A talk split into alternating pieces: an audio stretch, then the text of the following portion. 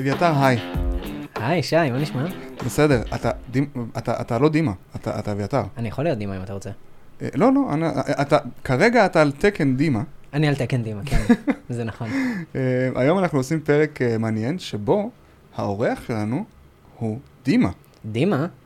היי, היי דימה, שלום. אני, אני רק לא מסכים עם זה שאביתר הוא על תקן דימה, אביתר הוא על תקן אביתר. נכון, אביתר הוא על תקן אביתר, הוא יותר יפה ממני, משמעותית בי פאר. בדיוק. חבל שאתם לא רואים את אני זה. לא מרגיש בנוח שאתה לוקח ומשווה אותו אליי. אין השוואה, אין השוואות, אנחנו לא אני- משווים. אני אני חושב שאני לא פה בגלל המראה שלי, אני חייב להגיד, זה זה קצת, זה- זה קצת פוגע בי. הבנתי. אתה לא פוגע מהרע שלך. אוקיי, אוקיי, נכון, זה לא פוגע בי באמת. אה, אז כן, אביתר אה, הגיע היום אה, כדי, כדי לראיין את דימה יחד איתי, כי דימה הולך להיות האורח שידבר איתנו על... אה, זהו, אז אה, אני רציתי לדבר קצת על code reviews. בעצם על code reviews מהקונטקסט של, מהכיוון של code reviewers, כלומר ממי שעושה review לקוד. וזה נושא שככה יושב אצלי בראש כבר אה, לא מעט זמן, ויצא לי ככה לבנות סביבו גם איזושהי הרצאה, ו- וביחד עם, זאת, עם זה באמת יש איזושהי נקודת מבט שהייתי רוצה לנצל את ההזדמנות ולהביא אותה גם בפודקאסט. ובגלל שאיש אני ואתה עושים את זה הרבה ומביאים תמיד אנשים אחרים, והפעם אני רציתי להיות זה שבאמת מעביר את הנושא, אז uh, ביקשנו מאביתר שיבוא וככה ייתן קצת קונטרה לכל מה שאני אומר, ואם אני מדבר שטויות אז שיהיה עוד מישהו ש... uh, שיגיד לך שאתה מדבר שטויות, שיגיד לי שאני מטומטם כשאתה לא עושה את זה. ואני עושה את זה די הרבה דווקא. נכון, אתה ממלא את תפקידך כראוי. um, זהו, זה ככה קצת uh, uh, רקע כללי ל- לכל מה, ש... כל מה שיהיה פה היום. אז קודם כל אני רוצה להגיד לאביתר תודה שהוא מגיע להתארח כאן, לא, לא, לא להתארח, אלא מגיע לארח כאן. אנחנו צריכים להגדיר שוב את התפקידים של כולנו, אז אני מארח, נכון? אתה מארח, אתה אוקיי, ה host. בסדר, לגמרי. אוקיי, אני ה host, טוב. כן, אז דימה, אה, שלום לך. אז אמרנו שנדבר היום על code reviews, אמרת מהמם. שתדבר היום על code reviews, למי הפרק הזה באמת רלוונטי? אז אמרתי שנדבר קצת ככה על code reviews מהנקודת המבט של ה code reviewer, כלומר מי שעושה review לקוד, ואנחנו בפודקאסט שנקרא קוד פתוח, ואנחנו מדברים על open source, ואני חושב שאחד, אה, זה באמת אחד הנושאים, שגם הפרק שעשינו איתך, אביתר, הוא מאוד דומה לזה, של APIs, שזה תחום שהוא גם נוגע ב open source וגם נוגע בתחומים של אה, עבודה פשוט בצוות פיתוח. כלומר, הפרק הזה אני חושב רלוונטי לכל מי שעושה code review במהלך העבודה שלו, אה, שזה נכון להיום כל מפתח פחות או יותר. כלומר, גם אם אני לא ראש צוות, גם אם אני לא senior developer, עדיין, אפילו אם אני junior, עדיין יוצא, לפחות לרוב האנשים, יוצא לעשות code reviews אחד לשני. אה, ו, ומה שאנחנו, מה שהייתי, אני הייתי רוצה לדבר עליו זה באמת על הגישה, אה, על הגישה ל code reviews ועל אה, איך אנחנו אה, בעצם אה, מנצלים את הבמה הזאת של code review בתור מי שעושה את הקוד, בתור מישהו code reviewer, בשביל אה, ככה אה, להגביר מוטיבציה בקרב אה, צוותי פיתוח, בשביל להוביל חדשנות, להוביל יצירתיות, ולשמור על ה engagement, גם ב open source, כלומר גם בפרויקטים שבהם אני לא מכיר את מי שכותב לי קוד, אז כל הדברים האלה אנחנו, הייתי רוצה שככה נצליח אולי טיפה לעבור עליהם, לדבר קצת על מה אנחנו, מה השיקולים שלנו ומה אנחנו רוצים לקחת בחשבון כשאנחנו כותבים קוד ריוויו. מגניב, מגניב ממש. קול אה, קול. אז אה, אמרת שאתה, שקוד ריוויו רלוונטי גם למי שעוסק בקוד פתוח, וכמובן לכל מפתח אחר.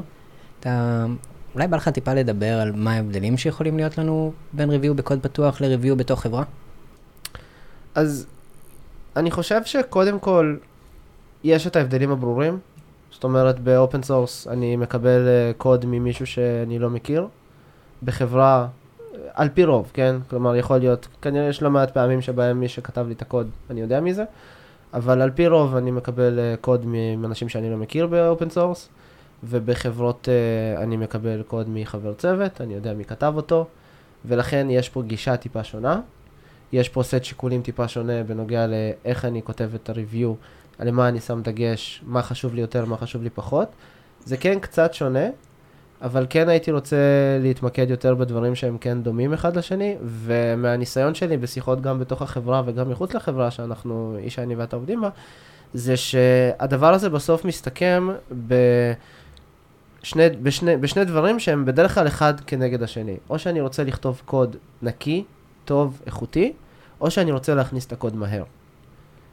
ופה באמת נכנס הגישה שלי, שעליה אני רוצה לדבר עכשיו, שהיא להכניס את הקוד מהר. כלומר, לשים פחות דגש על לכתוב קוד נקי, לשים פחות דגש על uh, לכתוב אותו הכי נכון שאפשר, ולא אומר בכלל לא לעשות את זה, אבל כן, לשת... כן לקחת את זה ו... ולעשות את זה בצורה שהיא פחות, uh, לתת לזה פחות משקל. ש... ביחס ללכתוב קוד שנכנס הרבה יותר מהר. דימה, יש לי שאלה מתריסה. Mm-hmm. Uh, מה הופך אותך למי שמוסמך לדבר על קוד ריוויוז? כלום ושום דבר. נהדר, אפשר להמשיך, ביי. אמ, לא, תשמע, אני חושב שלכל אחד מאיתנו יש, כל מי שנמצא בתעשייה במשך, נגיד, זמן סביר של שלוש שנים צפונה, פיתח איזושהי, אה, איזשהו קו מחשבה בנוגע לאיך אני עושה review על קוד, אוקיי? זה נכון לכל אה, דבר שאנחנו עושים בעבודה שלנו, אה, בעבודה היומיומית. בגלל שנחשפת כבר למספיק דברים ונחשפת למספיק תהליכים, אז אתה מפתח איזשהו אה, היגיון, איזושהי פילוסופיה פנימית שלך בתור מפתח, שלפי אתה פועל. אז מה שאני בא להגיד פה זה בעצם שכל מה שאנחנו הולכים לדבר עליו זאת הפילוסופיה האישית שלי. וזאת החוויה האישית שלי, וזה דברים שאני עושה ביום-יום, והשיקולים שאני לוקח ביום-יום, כשאני עושה code review, בין אם זה בתוך הצוות, בין אם זה מחוץ לצוות. יכול להיות שלא תסכימו איתי, יכול להיות שיש אנשים שמאזינים לזה שלא מסכימים איתי, וזה בסדר, כי לכל אחד יש את הגישה שלו, אני בא לשתף מהחוויה שלי מה עובד לי. אה, גם, שוב, גם open source, גם מחוץ, גם בתוך החברה. אז דיברנו קצת על, על מה כן הולכים לדבר, על מה לא הולכים לדבר. יפה, אז באמת כל מה שאנחנו, כל הדוגמאות וכל הדברים שאנחנו נדבר עליהם הם אה, אה, דברים שקורים הרבה בתוך צוותי פיתוח, אבל יש גם מקרה קצה. כלומר, אני יכול לכתוב code review מאוד מגעיל, אה, אני יכול לכתוב comments מאוד אה, נוראים, אני יכול לקבל code review, לקבל PR שמישהו פתח לי עם קוד שכתוב בצורה נוראית, אה, ואני כרגע שם בצד מקרה קצה. כלומר, אני אומר מראש שלכל דבר שאנחנו נדבר עליו יהיו מקרים שבהם זה לא תופס, וזה בסדר, ואנחנו מדברים כרגע על הרוב, על, ה, על הכלל ולא על היוצא מן הכלל. כי תמיד אפשר לקחת דוגמאות של, אוי, יש באג נוראי, ומה אכפת לי מה, איך אתה כותב את ה code review עכשיו, כל ה production למטה, וכל מיני דברים כאלה, וזה בסדר, שאנחנו לא נדבר על זה היום. Uh, כי אני מתייחס לזה בתור מקרה קצה, דברים שהם כזה פיקוח נפש, ככה אני קורא לזה. לא משנה מה, זה לא, לא נכנס לתוך השיחה הזאת. אנחנו אה, גם, אני, אני אחזור לזה שאנחנו מדברים, כאילו, אנחנו קצת באוריינטציה, הייתי אומר, של open source. וזה כן, אה, כאילו, אני חושב שזה כן מאגד אותנו סביב איזשהו מקום ספציפי. תקנו אותי אם אני טועה. כן, אבל, ועדיין, כלומר, גם באופן סורס, נדירים, אה, אביתר, לך יש פרויקט open source משלך, תקן אותי אם אני טועה, אבל לא קורה לך באופן סדיר שאתה מקבל uh, PR ים הזויים או דברים שאתה, אין לך מושג מה אנשים רוצים ממך או דברים כאלה, נכון? על פי רוב הקוד הוא בסדר, הוא, אפשר לעבור עליו, נכון? אז, אז אני חושב שזה מאוד תלוי בפרויקט שאנחנו עובדים עליו, וזה גם שונה מאוד ב... ב האם זה משהו שהגיע מתוך בקשה שלי, נגיד issue שפתחתי, או האם זה משהו שבא מהאוויר כי בן אדם חושב שיש לו איזשהו צורך שהוא רוצה למלא. חושב שיש, ש... שזה שני סוגים שונים של בעיות שצריך לדעת להתמודד איתם, ושני סוגים של pull request ים שעובדים איתם אחרת לגמרי, אז זה מאוד מאוד מאוד תלוי. לפעמים גם זה לא משהו שהוא ממש גרוע, אלא פשוט לא תואם לחזון של הפרויקט, שזה סוג אחר לגמרי של pull request שיכול להגיע. Mm-hmm. סבבה, אז אלה הדברים שאנחנו לא נדבר עליהם. כלומר, mm-hmm. כשאנחנו מדברים על קוד שנכתב והוא מקושר כן למשהו שהוא business, אה, יש לו איזשהו business value, ו- ואנחנו לא... אנחנו לא נדבר על, אה, על קוד שקיבלנו, על קוד ריוויוס, על PR שפתחו לנו שאנחנו צריכים לזרוק אותו לפח את ה-PR כמו שהוא, אלא באמת על מצבים שבהם אנחנו צריכים לעבור על הקוד וצריכים להסתכל עליו וצריכים לראות מה בסדר ומה לא בסדר, כמו כל PR, כמו רוב ה-PRים. Uh, זה דבר אחד. דבר שני, זה משהו שכבר נגעתי בו קצת, זה שאנחנו לא מתעסקים בחלק של מי שכתב את הקוד. כלומר, אנחנו מנקודת מבט של מי שעושה את ה-review, לא מנקודת מבט של מי שעושה את ה... של ה-author, ולכן אני לא אתייחס בכלל לחלק של מי שכותב את הקוד. הפרק הזה הוא מי שרוצה לדעת לכתוב, איך כותבים קוד שיעבור קוד review, זה לא הפרק בשבילכם. מי שרוצה לדעת מה, אה, לשמוע עוד גישה או לשמוע עוד נקודת מבט של איך עושים קוד review נכון, או אולי נכון, אז זה כן. אמרנו שאנחנו רוצים אה, לתת את, רוצים להיות פוקוסט על הרביור בפרק הזה, mm-hmm. אבל כדי אה, להבין בכלל מה, מה הרביור אה, אמור לעשות או לא לעשות, כדאי שנצא, שנסתכל על נקודת המבט של מי שעשה את, ה- ש- מי, ש- מי שכתב את הקוד וקיבל קוד ריוויו. מה שאנחנו נעשה כרגע זה איזשהו מין תרגיל מחשבתי, שבו אני, כשאני כתבתי קוד, העליתי PR, וקיבלתי קוד ריוויו. ישי, ממך במקרה. באמת? כן, יש לי תמונות אפילו, שמוכיחות את זה. וקיבלתי קוד ריוויו שהוא ככה קצת, אה, לא הכי, לא הכי נעים אה, לקבל, נגיד את זה ככה. אז רק מי שלא הבין או הבינה, אנחנו עכשיו נמצאים באיזה מין, אה, באיזה מין אילוסטרציה שבה אה, דימה כתב קוד, ואני ישי, כתבתי לו, בוא אפילו, כתבתי לו יותר review. ספ... בוא אפילו נהיה יותר ספציפי, אוקיי? אני כתבתי פונקציה שמחשבת את כל ה binaries שיש לי ב... במערכת הפעלה. אוקיי. שהולכת, מביאה את כל ה executable שיש לי במערכת הפעלה, מי שככה יודע על מה אני מדבר, זה סתם כשאני... אז הוא יודע על מה אני מדבר. אז הוא יודע על מה אני מדבר, נכון, זה לא באמת משנה התוכן של, ה... של, של הקוד, אלא יותר על התהליך של ה code review עצמו. אז באמת, יש ככה כמה דברים שהייתי רוצה שנעבור עליהם, של קומנטס ש... שאני מקבל במהלך קוד review, אמ, שאני בתור author, בתור מי שכותב את הקוד, אה, מקבל אותם, ובאמת מה החוויה מהדבר הזה. אז נתחיל, נתחיל אולי באמת מהראשון. הראשון אה, ככה, אה, יש לי איזושהי אה, לולאת for, אה, for off ב-Node.js, לצורך העניין, for אה, value, for key of value, for, סליחה, value of values, כן? אה, וקיבלתי קומנט של אה, ה-for for off הזה הוא פחות מתאים, בוא נעשה את זה for each, לצורך העניין, כן? שזה בעצם, במילים אחרות, הסטנדרטים של מי, ש... מי שעושה לי, מי שעובר לי על הקוד, הם לא תואמים לסטנדרטים שלי בתור מי שכותב את הקוד. אמ, ופה יש פתח לאיזושהי שיחה של אבל למה, או אבל אני חושב off הוא יותר נכון, כשבפועל, אה, תקנו אותי אם אני טועה, אבל אין כל כך הבדל ביניהם, אז... עד כדי מקרים ספציפיים. אביתר, אני חושב שזה... ה- אתה הבן אדם הנכון לשאול את השאלה הזאת. אני, אני, אני אפילו לא אגע להאם זה נכון או לא נכון לעשות for off or each, זה, זה באמת, אני חושב שזו השאלה הלא נכונה, אבל תמיד כשאנחנו מגיעים לעולם של סטנדרטים, אה, יש איזושהי שאלה, האם, האם בכלל אני צריך להעיר על סטנדרטים? אולי זה משהו שצריך להיות אוטומטד באמצעות לינטר. יכול להיות ש... כאילו, אם, אם אני שם linter שבא ומטפל בדברים האלה, ואומר לבן אדם כבר, בזמן ה pull request או בזמן הפיתוח, תשמע, אני לא עושה for of בתוך הקוד שלי, אני שם for each ים, בכלל לא היינו מגיעים למקום הזה ב PR. נכון, אז אנחנו נגיע לזה בסוף קצת, מהמם. אנחנו נגיע לזה אחרי החלק הזה. אה, אבל כן, זה באמת, זה פתח לאיזשהו דיון שהוא לא רלוונטי לתוכן של ה pull request. נכון? מסכימים? כלומר, יש פה עכשיו, אפשר לפתוח לדבר על זה, על איך אני כותב לולאה, כשזה בכלל לא רלוונטי לתוכן של הלולאה ועל מה היא רצה ומה היא עושה. כל עוד הפונקציונליות היא אותה פונקציונליות. בדיוק. השאלה היא אם הפונקציונליות היא אותה פונקציונליות. בדיוק, אז סבבה, אז בואו נשאר ממוקדים, נמשיך כרגע לזה הבא. אה, התבקשתי לעשות שינוי שלא הבנתי, אוקיי? אה, לצורך העניין, בקטע קוד שמביא לי קובץ במקום מסוים וקורא האם זה binary או לא, נחזור רגע למה שאנחנו עושים, אנחנו מבקשים את כל ה binaries שיש לי במערכת הפעלה שאפשר להריץ אותם, אז ברגע שביקשתי איזשהו קובץ, קיבלתי, אה, לא ברגע שביקשתי, אלא כשעברו לי על הקוד, אז קיבלתי comment של אה, תעטוף את זה ב try catch. שזה בעצם אה, לתפוס שגיאות. עכשיו, מי שקצת מבין, אה, יכול, יכול אולי לשער למה צריך לעשות try catch לדבר כזה. אני לא אכנס לסיבה כי לא אכפת לי כרגע מהתוכן של ה-PR, אבל אני כן אגיד שה comment עצמו הוא רק תעטוף את זה ב try catch. כלומר, אני לא מבין, בתור מי שכתב את הקוד, מה לעזאזל הוא רוצה. אני יכול לעטוף את זה ב try catch, אבל עדיין אני לא אבין למה.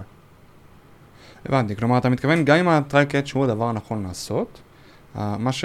הקושי שלך כאן הוא ש... ש... שאתה בתור כותב, ה... כותב הקוד ומקבל. מקבל ה review, אתה לא מבין למה בכלל לעשות את catch נכון. הזה. אני יכול לעשות את זה, כי זה comment שקיבלתי מלצורך העניין מפתח יותר בכיר ממני, או כי אני צריך שהוא יאשר אותו כדי שאני אעבור את הריוויו. כן, אבל זה לא אומר כלום, או שכאילו הוא צריך, לה... הוא צריך להסביר את עצמו, נראה לי שזה מה שאתה מתכוון. נכון, אז באמת היה שם חסר הסבר, כי אני לא מבין מה, על מה זה יכול להשפיע, אז אני גם לא יודע לדבג את זה נכון, אני גם לא יודע לבדוק אם זה עובד נכון, אני לא יודע לכתוב לזה טסטים עד הסוף, כי אני לא מבין מה יכול להפיל את זה. נהדר. אז, אז אני, אני רק אשאל, מה, מה לדעתך בכלל המרחק שריוויור צריך ללכת כדי לתת למפתח שבא ועושה פה request context? זה לא, אני, מן הסתם זה לא אה, שחור לבן, כלומר Mhm. יש איזה גריי אריה באמצע, וקשה להצביע עליו, כלומר, אני לא בהכרח יודע להגיד לך בדיוק מה קורה, או מה לא קורה, מה צריך לקרות או מה לא צריך לקרות, כדי שאנחנו נגיע ל, לעמק השווה הזה, שבו מצד אחד רביור לא משקיע הרבה מאוד זמן בלכתוב את זה, ומצד שני, uh, מי שקורא את זה מבין מה, מה צריך לעשות.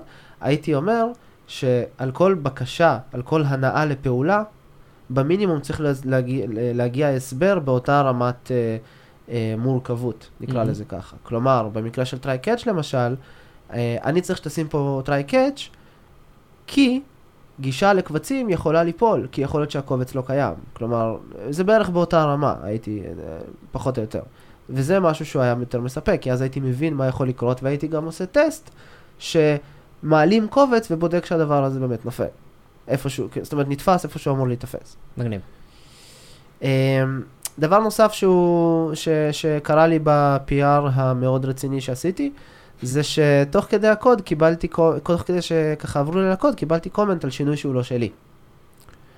אה, שינוי שכבר היה שם קודם, וגיטהאב לפעמים מציג לנו ככה שינויים שהיו שם לפני זה, אה, פשוט כי הוא מצלם ככה את הקצת לפני וקצת אחרי הקוד שהשתנה, וגם זה, זה משהו שקיבלתי, וזה גם חוויה שהיא לא כל כך טובה. כי אני פתאום עכשיו, על משהו שלא אני עשיתי, ואני לא, הוא לא, אולי לא מבין מה הקונטקסט של בכלל השינוי הזה שמבקשים ממני לעשות, וגם אם כן, אני עכשיו צריך ללכת ולעשות שינוי בקוד שלו שלי, במשהו שהוא לא רלוונטי לשינוי שלי, ואז גם לבדוק אותו, ולבדוק את הטסטים שלו, ולוודא שהוא תקין.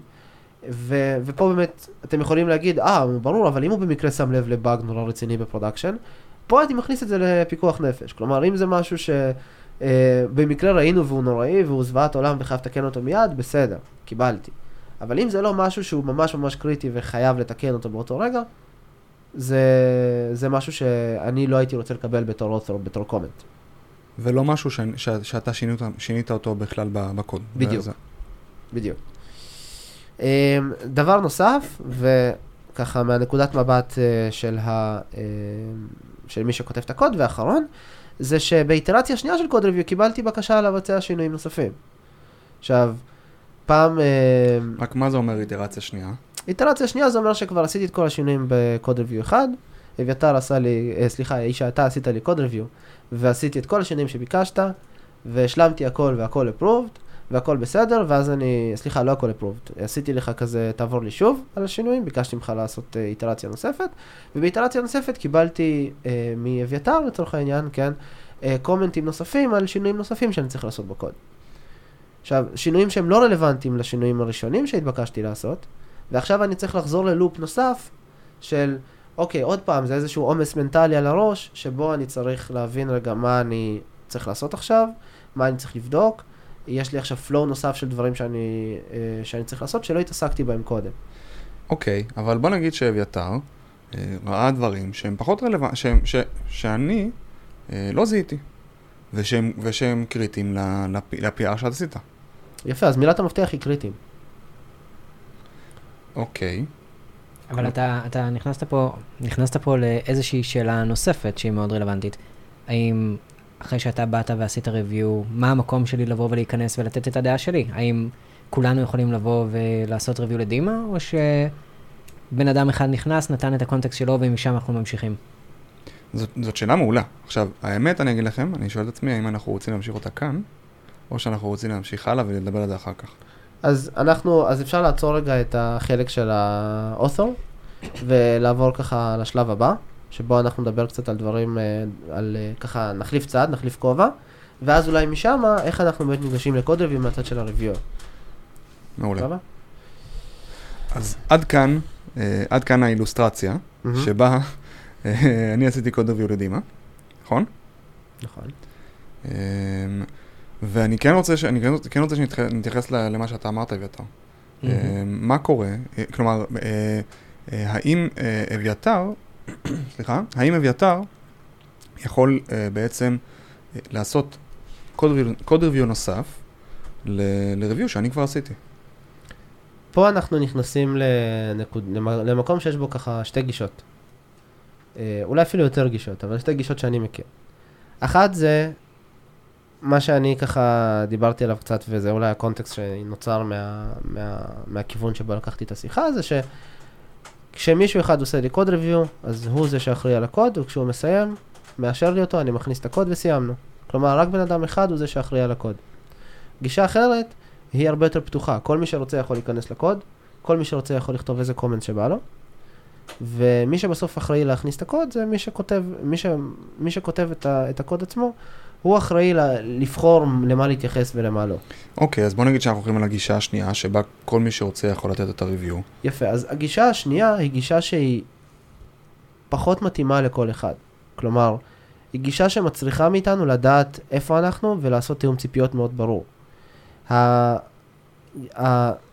הדרך האינטואיטיבית שלנו כבני אדם, לקבל, כשברגע שאנחנו מקבלים איזושהי ביקורת, במיוחד שזה מפתחים שאומרים להם שיש משהו שלא נכון, אז אה, אנחנו בצורה אינטואיטיבית צריכים או להסביר לו למה הוא טועה, נכון? אנשים אוהבים, ישראלים במיוחד, להסביר לאנשים למה הם טועים, או שאנחנו נלך ונתקן את זה, אה, כי אנחנו צריכים שהכל יהיה מושלם והכל יהיה וי ירוק. כלומר, אנחנו, אם, אם אנחנו רוצים לתת לבן אדם שכתב את הקוד, את הכוח להכניס קוד ולהתעלם מהקומנס, אנחנו צריכים לעשות פה תיאום ציפיות מאוד ברור עם מי שכתב את הקוד. אנחנו צריכים שזה יהיה מאוד ברור בשבילו ובשבילנו, שאם הוא בוחר להתעלם מקומנט מסוים, אז שזה לא יעלה איזה שהם אינטריגות, או דברים שהם uh, ככה ויכוחים, או דברים כאלה, אלא, ו, וצריך להיות פה גם uh, uh, trust מאוד גדול. גם בין מי שכתב את הקוד וגם מול מי שעושה את הקוד ריוויוז. בין אם זה בן אדם אחד ובין אם זה כמה, שיכולים לזרוק כמה קומנט שהם רוצים. שזה אגב, אני הייתי רוצה להגיד רק באיזשהו מאמר מוסגר, שהנקודה הזאת של ה trust, היא לא תמיד יכולה להתבצע ב open source. בדיוק. ולכן, הדבר הזה הוא פחות מתאים לשיחה עכשיו, כי מה שאני רוצה לדבר עליו זה תהליך שהוא, לדעתי לפחות, מתאים גם ל open source וגם לצוותי פיתוח, אבל יש גישות שונות, כמו למשל הגישה הזאת. וזה בסדר אם יש לכם צוות פיתוח שעובד בצורה הזאת. זאת אומרת, שכולם יכולים לדחוף כמה comment שהם רוצים, ומי שכותב את הקוד מחליט, מחליטים להכניס אותו. זה בסדר, זאת גישה מאוד בריאה, זה מראה על טראסט מאוד גדול בצוות, אבל זה משהו שלוקח המון זמן לבנות, וזה משהו שהוא לא פשוט אה, להסתמך עליו, במיוחד כשיש קוד שהוא רגיש. אז אני קצת מבולבל. כי דיברנו על זה שקוד ריוויו זה משהו שאנחנו, ש, ש, דיברנו על, על, על הגישה, שהגישה כאן יכולה לתת לך אה, לעבוד גם מול, אה, יכולה לתת לך לעבוד גם מול אה, צוותי פיתוח. Mm-hmm. אה, כלומר, צוותי פיתוח, אני מתכוון, אה, של closed source, או של איזה, איזשהו צוות אה, שיש לו business value, mm-hmm. וגם ב-open source, גם אם יש לו business, business value וגם אם לא. נכון. אה, אבל, אבל מה שאתה טענת עכשיו, אה, לא מאפשר לי בעצם לעבוד באמת ב open source, כי ב open source כל אחד יכול, אה, יכול להוסיף comment ים, וה, ומי, ש, ומי שכתב את הקוד ומקבל את ה-reviews, הוא לא בהכרח חלק מה, מה, מה team, והוא לא, לא בהכרח יכול גם להכניס את הקוד. נכון, אבל על פי רוב ב open source הגישה היא, אני רוצה להכניס את הקוד כמה שיותר מהר. אמ, אולי לא בהכרח מהר בגלל מהירות, לא מעצם זה שזה צריך להיות מהיר, אלא מעצם זה שיש לי אינטרס בתור code reviewer, בתור maintainer, בתור מי ש...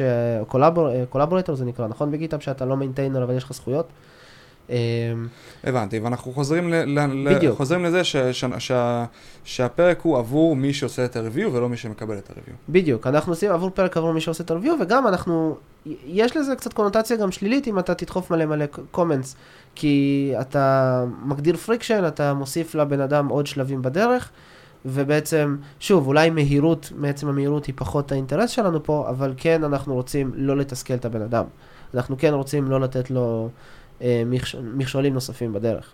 זה מאוד מעצבן אם נגיד מבקשים ממך לנקות את המטבח, ואז אתה מסיים, ואז, אה, אבל תנקה גם את הסלון ואת, ה, ואת הרצפה ואת, ה, ואת הלא יודע מה, כן?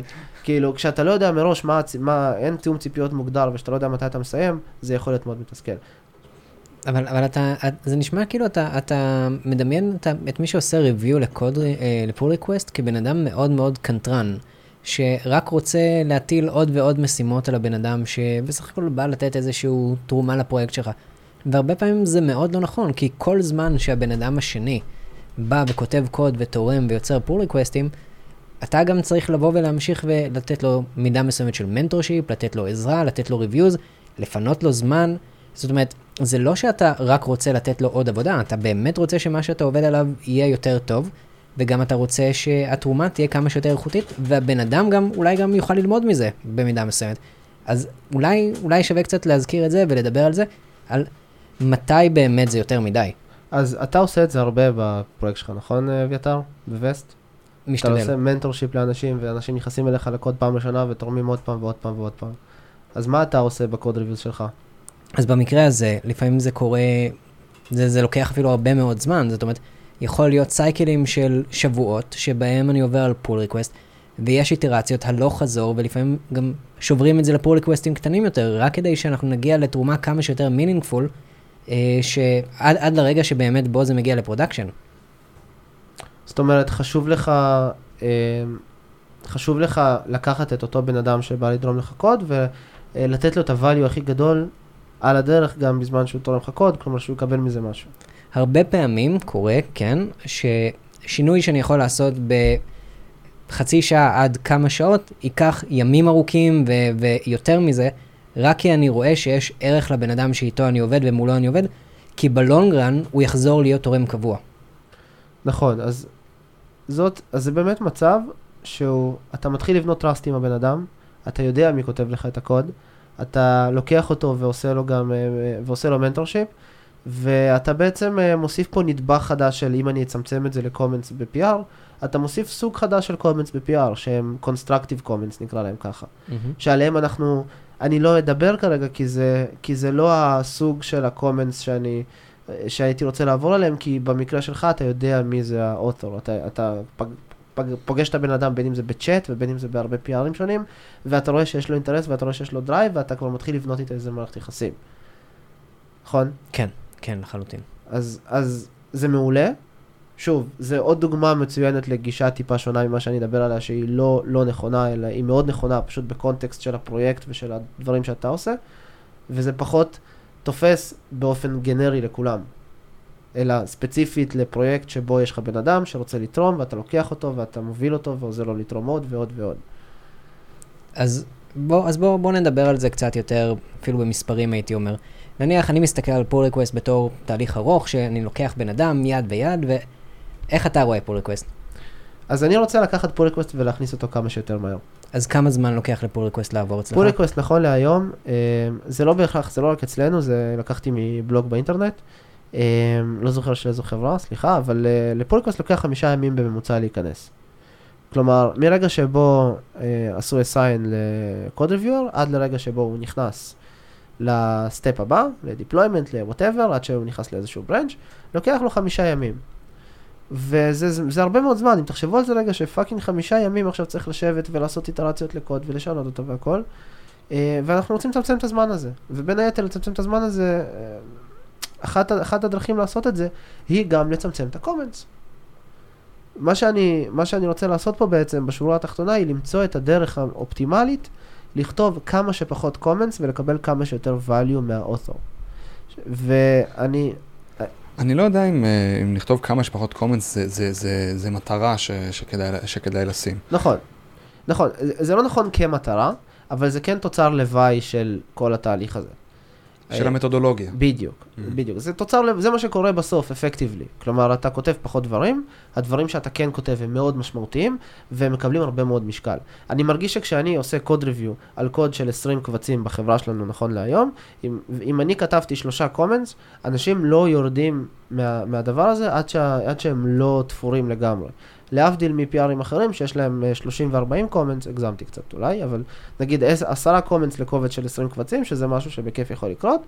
אמ, שחלק מהם ככה נכנסים על הדרך ודברים כאלה ופחות uh, שמים אליהם לב וגם לוקחים יותר זמן. כלומר, גם אתה נותן פחות משקל לכל קומנט וגם ככלל כל ה-PR לוקח לו יותר זמן להיכנס. הבנתי, אתה מנסה להגיד שכאילו, ש, שככל שאתה נותן יותר comments, ככה יהיה פחות משקל או פחות אה, אה, התייחסות אה, לכל comment באופן, באופן ספציפי.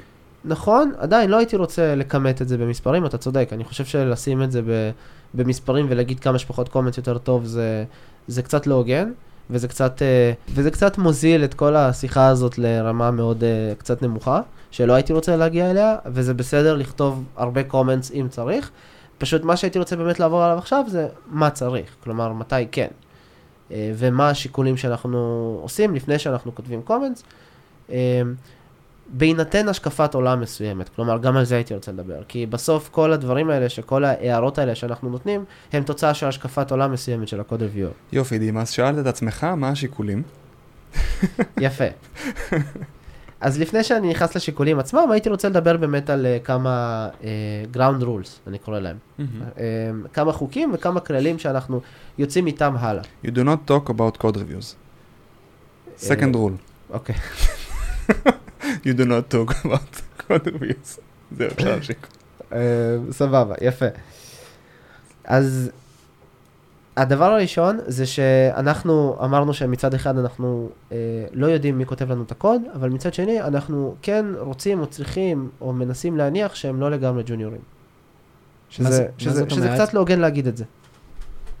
זה באמת קצת לא הוגן להגיד את. זה, זה לא הוגן להגיד, כי, אני, כי זה לא הוגן ממני להגיד לכם, חבר'ה, אנחנו לא יודעים מי כותב לנו את הקוד, ומצד שני, מי שכותב לנו את הקוד הוא לא ג'וניור.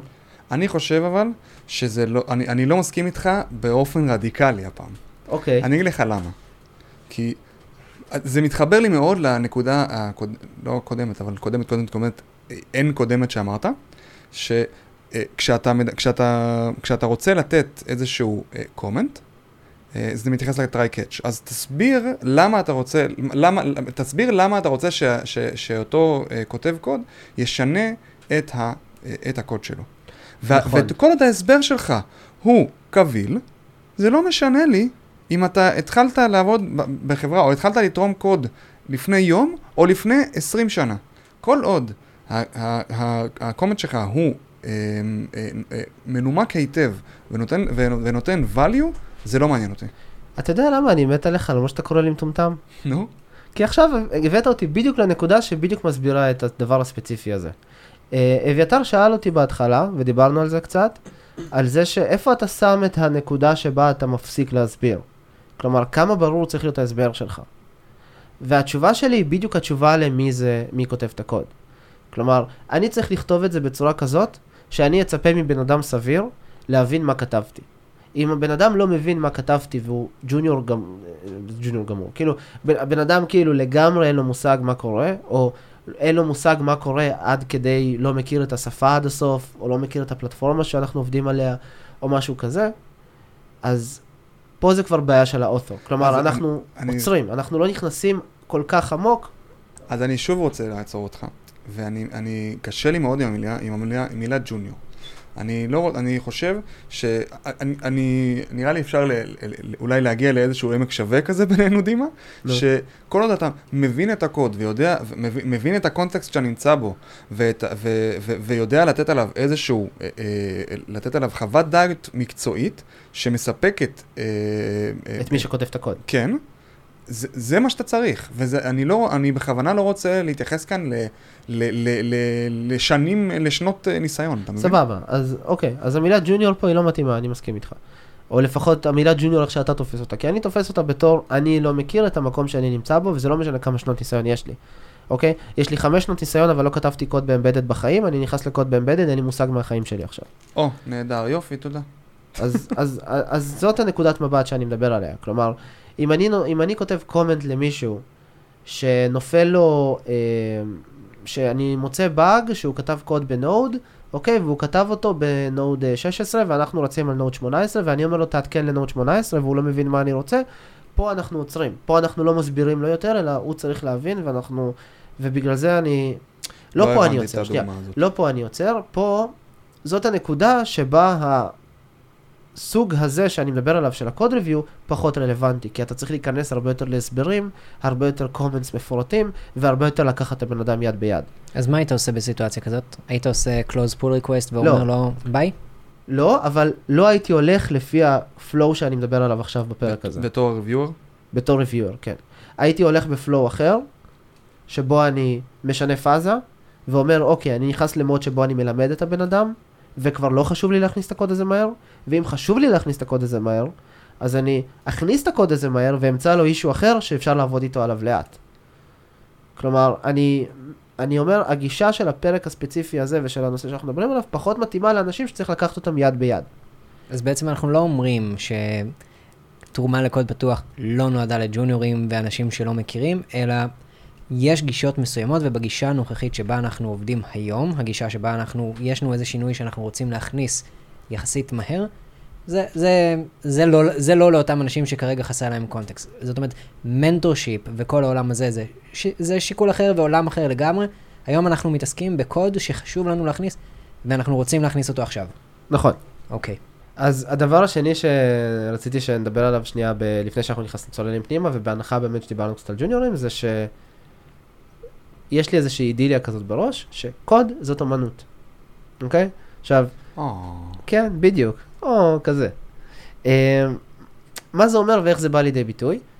אה, קוד זה צורה של ביטוי עצמי. זאת הדרך שלנו לכתוב משהו שעובד, שאנחנו כתבנו, אנחנו יצרנו אותו, ו- ואני תופס את זה אפילו באמת, וזה טיפה ככה קצת יותר מדי uh, קיצ'י, אבל uh, קוד זה כמו ציור, לפחות בתפיסה שלי. כשאני כותב קוד, אני מרגיש שאני מצייר. באמת. ואם אני אקח סתם, נעשה עכשיו, אתה יודע, ניסוי פסיכולוגי, כן? שניקח, אה, לא פסיכולוגי, אבל אה, ניסוי מחשבתי. ניקח 40 איש, נכניס אותם לחדר ונגיד לכל אחד מהם לכתוב אה, קוד באותה שפה, אוקיי? נגיד בפייתון, או כן, בפייתון זה סבבה. אה, שעם איזשהו אה, קוד שמקבל אה, x ומוציא לך x פלוס 8.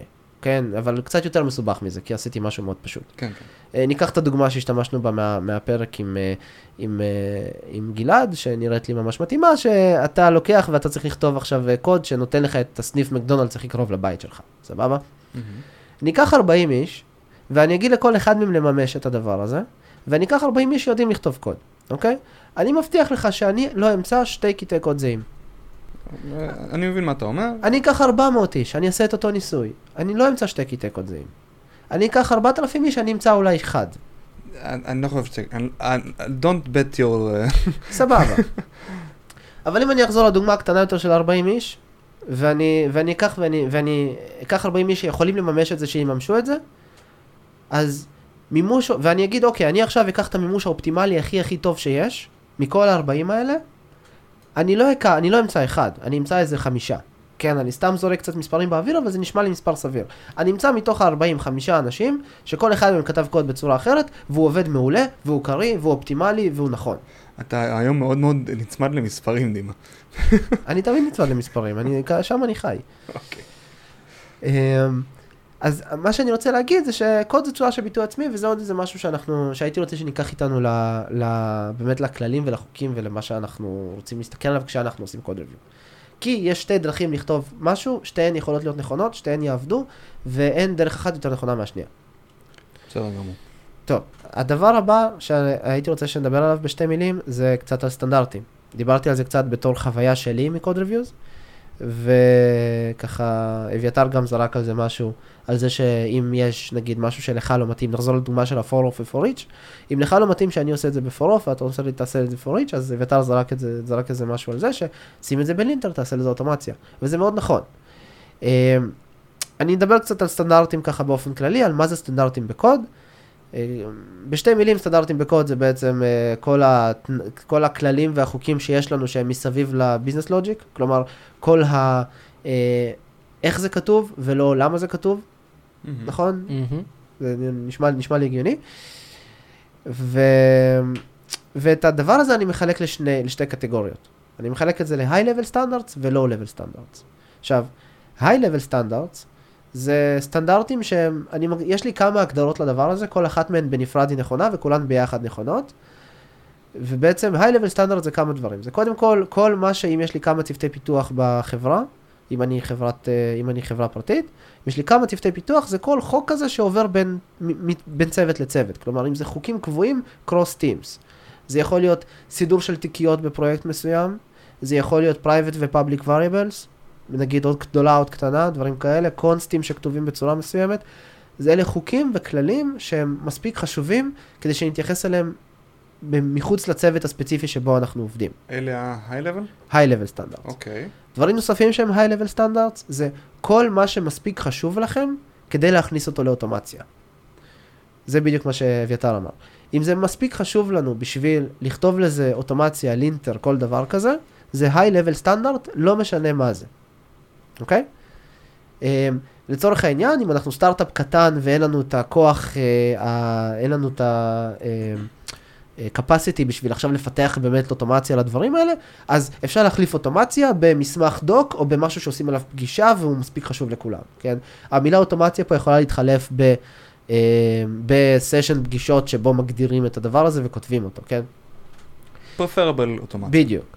אז אלה דברים שהם high-level standards. דברים שהם חשובים לנו כי אנחנו רוצים שהקוד יהיה קריא, אנחנו רוצים שיהיה קל להיכנס אליו, אנחנו רוצים שכל מי שנכנס לחברה שהוא עובד חדש ייכנס לקוד מהר. אה, וזה מה שאני שם אותו בקטגוריה הזו.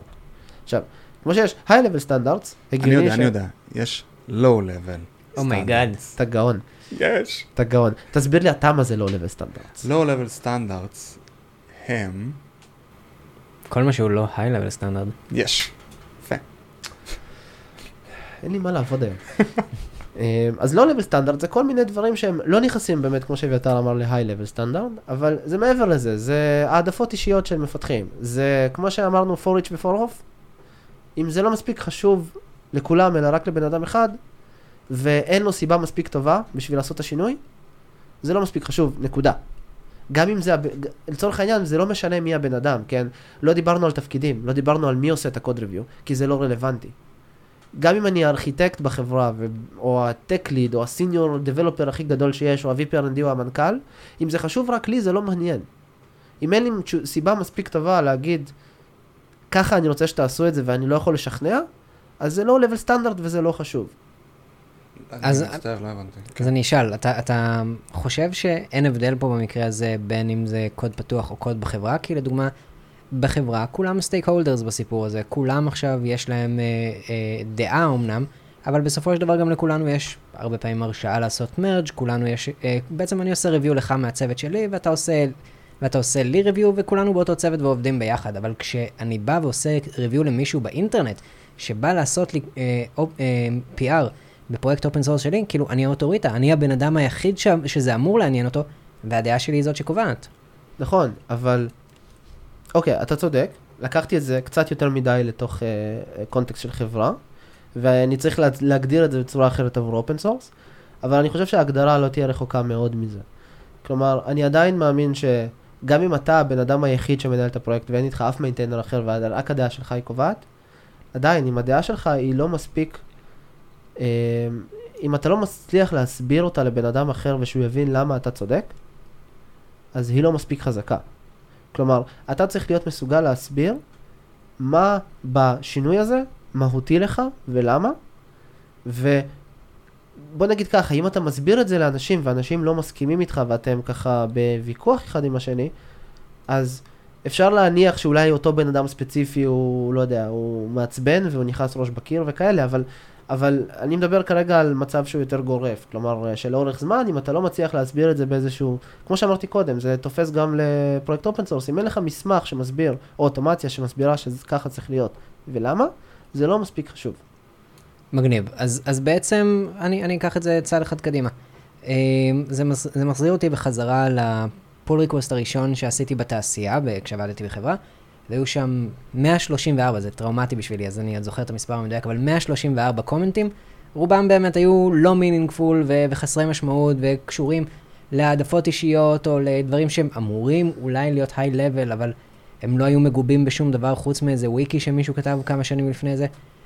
אם היום הייתי צריך לעשות pull אה, request למישהו, איך הייתי גורם לזה שה pull request היה meaningful? איך, איך, איך אני צריך לעשות pull request נכון? אני רק רוצה להגיד שאני אני, אני גם הייתי מקבל טראומה, הייתי מקבל 134 קומנטים. כן, אני גם הייתי קצת בשוק. כמה, כמה קבצים שינית? אז אגב, זה, זה נקודה מאוד רלוונטית ל- למה שאמרת קודם, כאילו, אנחנו רוצים פחות קומנטים, אבל כמות הקומנטים היא לא רק עניין של האם התגובות הן meaningful או לא meaningful, לפעמים זה פשוט פונקציה של כמות הקבצים ב-PR. נכון. ואז לפעמים ה review שלנו צריך להיות, היי אחי, בוא, בוא תפצל את זה, או אחותי, אחי או אחותי. אה, בואו תפצלו את זה ל-PRים קטנים יותר, ו- ואולי זה כל ההבדל בין PR עם הרבה קומנטים ל-PR בלי הרבה קומנטים, וגם אולי יוריד קצת churn. מדהים. אז אה, לקחת אותי. הובלת אותי יפה באמת לנושא, לנושא הבא שלנו, שזה כל החוקים וה... והדברים שאנחנו כן רוצים לעשות בתהליך של קוד ריוויו. כן, עד עכשיו, אם נעשה שנייה ריקאפ על מה שדיברנו עליו, אז דיברנו קצת על אה, זה שלקחנו כובע של אוטור, ועשינו אה, כתבנו קוד וקיבלנו קומנטס, לא ראיתם, דימה שם כובע עשיתי, ממש. עשיתי כובע, כן? עכשיו רגע, אני אוריד את הכובע, ואז אה, סיימנו אוקיי. עם האוטו. אמ, ואחר כך דיברנו קצת על אה, ground rules, של אה, באמת אה, מה החוקים הבסיסיים שבהם אנחנו, מה העולם שבו אנחנו חיים, שזה אומר שמי שכתב לנו את הקוד הוא לא ג'וניור לגמרי, כלומר, לא מישהו שלא מכיר לגמרי את הקוד, סליחה ישי, לא השתמש- השתמשתי במילה ג'וניור. אה, וזה שקוד זאת אומנות, ודיברנו קצת על סטנדרטים, ומה זה היי-לבל ולמה זה לואו-לבל. עכשיו אנחנו נכנסים באמת, ל... אני הולך לעשות קוד ריוויו, על מה אני מסתכל ומה השיקולים שלי. אז הדבר הראשון זה readability. עכשיו, מה זה אומר? הקוד, בשורה התחתונה שהקוד שאני עובר עליו, צריך להיות קריא ומובן. Readability and uh, um, understandment, understandability. סתם לא. understandability, כן. לא נראה לי שזה מילה קיימת. אה, כנראה שלא, מולטי פרקרקיישן. כן, רדביליטי. אז הקוד צריך להיות קריא, הקוד צריך להיות ברור, אה, הוא צריך להיות אה, אה, מאוד מובן למי שעושה קוד ריוויו. ופה יש הרבה מאוד, וזה אולי הסעיף עם הכי הרבה שיקול דעת שאני יכול לחשוב עליו. כי אין לי פה חוקים שחור לבן, אני כן יכול להגיד שהמטרה שלנו היא שמפתח סביר יוכל לקרוא את הקוד ולהבין מה הוא עושה. ואם מפתח סביר לא יכול לקרוא את הקוד ולהבין מה הוא עושה, אז הקוד לא מספיק קריא, וזה מקום לקומנטס. כלומר, אני אשים קומנט אם אני לא אצליח להבין מה קורה פה. בין אם זה כי ה-PR, כמו שאמרת אביתר, בין אם זה כי ה-PR גדול מדי, ובין אם זה כי, כי הקוד הוא קוד ספגטי, או כי השמות משתנים הם לא מינינגפול, או כל, אה, כל דבר כזה שאנחנו מכירים מהעבודה היומיומית שהוא לא, שהוא bad practice. אבל אני קצת מבולבל. אה, אנחנו מדברים, אנחנו מדברים כרגע על איך עושים קוד ריוויו. נכון. כלומר, אה, אני- עושה את הריוויו, אני לא, אני לא, אני, אני לא זה שכתב את הקוד, נכון. אני זה שכותב את ה comment. נכון, אז אני אומר, אתה תכתוב comment אם הקוד לא קריא מספיק. אוקיי, הבנתי. סבבה. הדבר הבא זה impact של ה comment. כלומר, כשאני כותב comment, אני צריך לשאול את עצמי, מה יקרה אם אני לא אכתוב אותו? סבבה? אני צריך לשאול, אמרתי, דיברתי על זה קצת ב-low level standard, וזה מאוד מתקשר לזה. אם אני לא כותב עכשיו comment שמבקש מאותו בן אדם לעשות את השינוי הזה, מה יכול לקרות במערכת כתוצאה מזה? אם הוא, אם הוא לא יכניס את, ה, את, ה, את הדבר הזה שכתבתי. אז זאת שאלה שצריך לשאול, ואם יש לי תשובה מספיק טובה למה שיקרה הוא משהו שהוא שלילי, והשלילי הזה יהיה מספיק חשוב, אז אני אכתוב את ה comment. לצורך העניין, אם נחזור אחורה, כן, אם הקוד לא קריא מספיק, כמו שדיברנו קודם ב-readability, אז אני באמת אכתוב comment, כי ה impact של זה הוא שמפתח חדש שיגיע לחברה, או חבר צוות ממקום אחר, או בין אם זה פרויקט open source, אז אנשים, יהיה להם יותר קשה לתרום קוד, זה לגמרי סיבה מספיק טובה לכתוב comment. אוקיי? אז, אז צריך להיות איזשהו impact ל comment מהצד של ה, אה, הקוד. אה, והדבר הבא, בצורה מאוד אה, ככה שמסתדרת לנו יפה, זה meaningful comments. כלומר, אני צריך לא רק שיהיה לי impact ל comment אם אני אכתוב אותו, אני גם צריך ש... להיות מסוגל להעביר את התוכן, וזה מחזיר אותנו קצת ל try catch, אני צריך להעביר את התוכן של ה comment והסיבה ללמה כתבתי אותו גם למי שכותב את הקוד.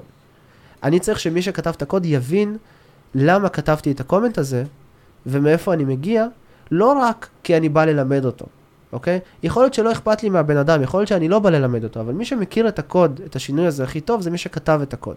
אז מי שיכול לבדוק את הקוד הזה ולהבין את כל התהליכים מסביב הכי טוב, זה מי שכתב את הקוד, ולא, ולא אני שעובר עליו. ולכן אני רוצה לתת למי שכתב את הקוד את המקסימום כלים ש, שאני יכול, כדי שיהיה לו אה, את היכולת לכתוב אותו בצורה הכי אפקטיבית שיש. אז אם אני כותב לו קומנט שלא מסביר עד הסוף מה יכול לקרות במערכת, או למה זה גורם, השינוי הזה, אז אני בעצם פותח פה פתח לבאגים, כי הוא לא ידע לבדוק, לבדוק את עצמו עד הסוף. הדבר הבא זה פאנל, משפך ב- באנגלית, שזה אחלה מילה. אז אה, בוא, בוא תספר, למה משפך זאת מילה נהדרת? אז, אז משפך זאת מילה נהדרת. Um, כשאנחנו כותבים קומנטס, אנחנו רוצים לקחת את, ה, את מי שכתב. אתם יודעים מה? אני אתחיל עם משהו אחר. אני אשאל אתכם שאלה. אתם יודעים איך uh, נראה מרוץ כלבים? ראיתם פעם מרוץ כלבים? לא שופט. אני חושב, כאילו, מה שהם דנים בראש זה ארנב, שהוא לא באמת ארנב, שרץ, שהוא כזה עם מכונה. ארנב שהוא בעצם כלב? ארנב, לא, לא, ארנב שהוא מכונה, שהוא, שהוא כזה רובוט, והארנב רץ, ואז כל הכלבים מנסים לתפוס את הארנב הזה. זה מה שזכור לי מאיזה סרט. זה נכון. ככה, ככה, ככה עובד מרוץ כלבים. יש לכם, uh, יש לכם אה, את המסלול ריצה שלהם, כמו של איצטדיון, לא יודע, כמו באולימפיאדה כזה, כמו בני אדם, אבל אה, ב... בעצם מחובר שם לגדר בצד איזשהו ארנב רובוט כזה, שמריצים את הארנב באופן מלאכותי יותר מהר מהכלבים, והכלבים מנסים להשיג אותו. עכשיו למעשה מה שעושים זה מרחיקים כל פעם את, ה... את המטרה הסופית מהכלב. תדמיינו שמישהו מחבר לכם חוט לגב, כן? כמו דייג כזה, כמו בסרטים מצוירים, ובקצה של החוט דייג הזה יש משהו שאתם מאוד אוהבים לאכול. סבבה? מה האוכל האהוב עליך, אביתר? גזר? גזר. גזר, תולים לי גזר. מדהים. כן. תחשוב שממש בא לך גזר, מישהו מחבר לך אה, חכת דייג לגב, ושהקצה שלה מתנדנד ככה שתי מטר ממך, בדיוק ככה מספיק רחוק כדי שלא תוכל להגיע לשם, נו, הסרטים ואתה כל הקלאסיים. פעם מתקדם קדימה ומנסה להגיע לשם וזה מתרחק ממך כי זה צמוד אליך. אז זה, זה חוויה שלילית, זאת חוויה שאנחנו לא רוצים לקחת את, ה, את מי שכותב את הקוד בדבר הזה, כי אנחנו ההפך, אנחנו רוצים לקרב אליו את, ה, את המטרה. והמטרה היא בסוף, מה הגול שלנו? זה להכניס את הקוד. דיברנו על זה קודם, שאנחנו יוצאים מנקודת הנחה שהסטייט שבו אנחנו נמצאים כרגע, זה אנחנו רוצים להכניס קוד. אז כשאנחנו כותבים את הקומנט שלנו, אנחנו רוצים לכתוב אותם בצורה של משפך. מה זה אומר? זה אומר באיטרציה ראשונה של קוד ריוויו, לכתוב את כל מה שאנחנו רואים שאנחנו חושבים שצריך לתקן, ובאיטרציה שנייה, לצורך העניין, אם צריך, כן, אנחנו רוצים להישאר באותה מסגרת. מה זה אומר?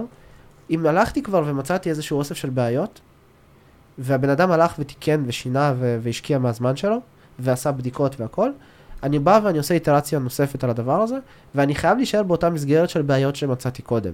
כלומר, לבדוק שהתיקון שלו עובד, לבדוק אם יש דברים נוספים שצריך לשנות, אולי התיקון שלו מצריך קומנס כי שם יש משהו לא ברור, ואני אעשה את המקסימום כדי לא לצאת מהפאנל הזה. כלומר, כדי לא למצוא בעיות שפותחות לו סט שלם של תיקונים אחרים. שוב, אני מכניס פה את הקטע של המקרי קצה, של הפיקוח נפש, כי אם במקרה לא ראיתי משהו שהוא באג פוטנציאלי שאני חייב לתקן, ברור שאנחנו לוקחים פה את זה בחשבון, וכן שמים comments איפה שחייב ואין ברירה. אבל אנחנו מנסים ומשתדלים אה, לא לעשות את זה אחרי איטרציה ראשונה של code reviews, כדי לא לקחת את הבן אדם לסיור במקום אחר שהוא לא היה בקודם. חשוב לי להבין, מאיפה הגיע הקו- ה code review הזה או ה pull request הזה? מי, מי כותב אותו? למה מגיע אלינו ולמה אני צריך לעשות לדבר הזה review?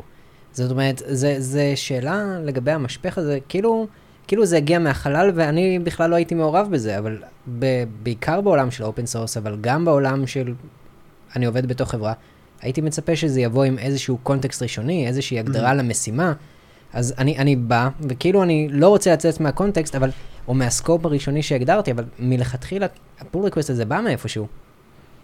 אז אוקיי, אז אני, אני יודע מאיפה אתה מגיע, כי אצלך, אצלך בפרויקט אתה פותח, אה, מישהו פותח, אתה פותח אישו מישהו אחר פותח אישו, ואתה מלווה את אותו בן אדם מרגע שהוא מתחיל לכתוב את הקוד. נכון. אז אתה בדרך כלל גם יודע מי מתחיל לעבוד על זה ומתי והכל. אני לא מדבר על הסיטואציות האלה. אני מדבר על סיטואציות שבהן, למרות שגם על זה אפשר לדבר, כן? אני לא בהכרח אומר שמה שהדוגמה שאתה נתת, היא משפך לא מתאים פה או משהו כזה, אני עדיין חושב שזה מתאים. אבל באופן כללי, הרבה מאוד מהסיטואציות של אה, לעשות ריוויו לקוד, הם באמת כאלה שהוא נפל מהשמיים בצורה כזאת או אחרת. בין אם זה אם אצלנו בחברה, מישהו מהצוות של ישי, אני וישי עובדים באותה חברה, אבל לא באותו צוות. אז יכול להיות שמישהו מהצוות של ישי יבקש ממני לעשות לו קוד ריוויו. שאני בכלל לא יודע על מה הקוד. או שאני כן יודע על מה הקוד, אבל אני לא הייתי מעורב בסט ההחלטות שהוא קיבל כשהוא כתב את הקוד הזה. אה, או שמישהו יכול להעלות לנו PR ב open source מבלי שביקשנו, זה גם קורה. אנחנו, יש לנו אישיוז שפתוחים, ואנשים פשוט מעלים לנו תיקונים מבלי לדבר איתנו בכלל. אז הדברים האלה קורים. אה, עכשיו, that being said, אני לא חושב שזה קשור ל funnel או לא funnel. כלומר, אני עדיין חושב שגם אם לקחת את אותו בן אדם ועברת איתו על כל הדברים האלה, עדיין הסט של ה review שלך צריך להיות כזה שהוא לא יתסכל את הבן אדם. שוב, מהמם. פה אתה מכניס גם מקום של הרבה מאוד trust שיש ביניכם, כי עברתם איזשהו תהליך ביחד, ולכן זה טיפה יוצא מ context של השיחה הזאת. אה, אבל אביתר עשה לב. אביתר עשה לב, נכון. יש המון טראסט, עברנו תהליך ביחד, נכון, יד ביד על השקיעה. אני מסכים. נכון. Uh, עדיין, אני חושב שזה משהו שחשוב לשים לב אליו ולקחת בחשבון. Uh, אני לא אומר בהכרח שזה רע, אני לא אומר בהכרח שיש כאילו תהליך אחד שהוא תמיד נכון ותהליך אחד שהוא תמיד לא נכון, אני פשוט חושב שבאיטרציה שנייה ושלישית של קוד uh, ריוויו, החסם של ה... האם אני צריך לכתוב comment, צריך להיות טיפה יותר חזק. כלומר, אני צריך להפעיל יותר שיקול דעת מהרגיל, אם אני עכשיו לוקח וכותב לו comment במקום שהוא לא נגע בו עדיין.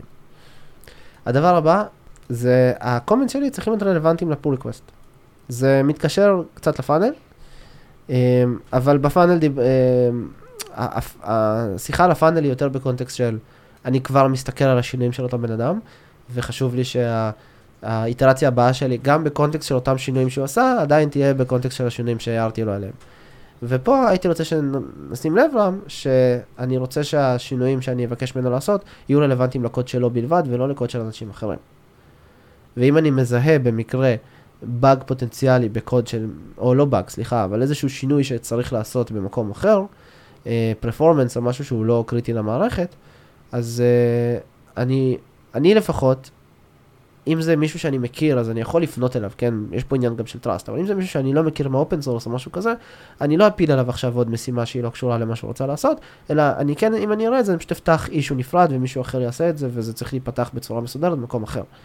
ו- וזה משהו גם כן חשוב, להשתדל להימנע מלכתוב code reviews על קו- קוד שהוא לא, כת- שהוא לא שלי, שהוא לא של ה author.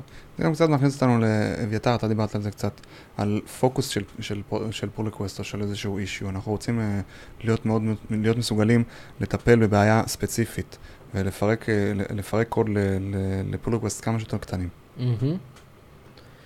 זהו, אז סיימנו עם השלב הזה, והגענו לשלב האחרון בשיחה. עד כאן איך, קוד, איך עושים code review. כן.